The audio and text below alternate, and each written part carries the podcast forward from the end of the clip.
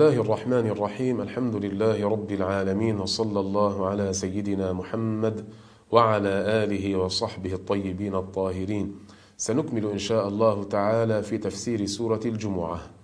أعوذ بالله من الشيطان الرجيم. يا أيها الذين آمنوا إذا نودي للصلاة من يوم الجمعة فاسعوا إلى ذكر الله. فاسعوا إلى ذكر الله وذروا البيع. يا أيها الذين آمنوا إذا نودي للصلاة من يوم الجمعة إذا أذن المؤذن لوقت الصلاة في يوم الجمعة فاسعوا إلى ذكر الله فاسعوا إلى الصلاة وذروا البيع أي اتركوا المعاملة من بيع وشراء.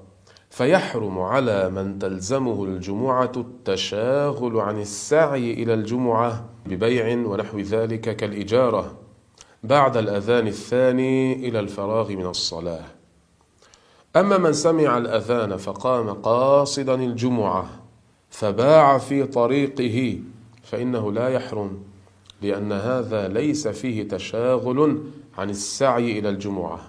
فيحرم التشاغل عن الجمعة ببيع ونحو ذلك كالإجارة بعد الأذان الثاني. ويكره ذلك قبل الأذان الثاني وبعد الزوال أي بعد دخول وقت الظهر. ذلكم خير لكم إن كنتم تعلمون. أي السعي إلى الصلاة وترك الاشتغال بالبيع خير لكم من البيع والتكسب في ذلك الوقت.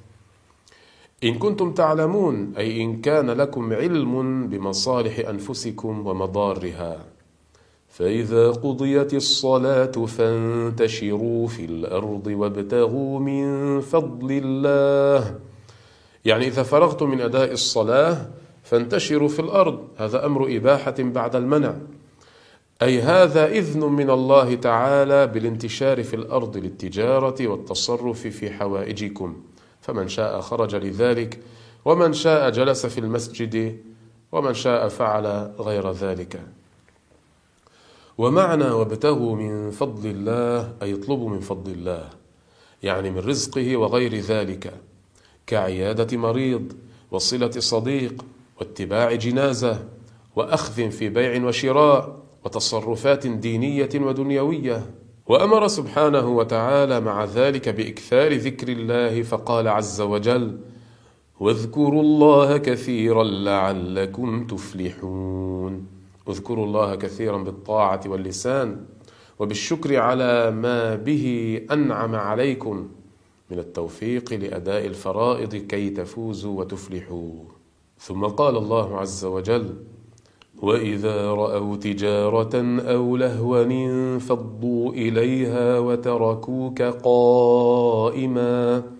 روى مسلم في صحيحه عن جابر بن عبد الله رضي الله عنهما أن النبي صلى الله عليه وسلم كان يخطب قائما يوم الجمعة. فجاءت عير من الشام جاءت قافلة من الشام فانفتل أي انصرف الناس إليها. حتى لم يبق إلا اثنا عشر رجلا. الرسول يخطب الجمعة وصلت قافلة من الشام سمعوا بها علموا بها فخرجوا ولم يبق مع النبي صلى الله عليه وسلم إلا اثنا عشر رجلا. فأنزلت هذه الآية التي في الجمعة وإذا رأوا تجارة أو لهوا انفضوا إليها وتركوك قائما.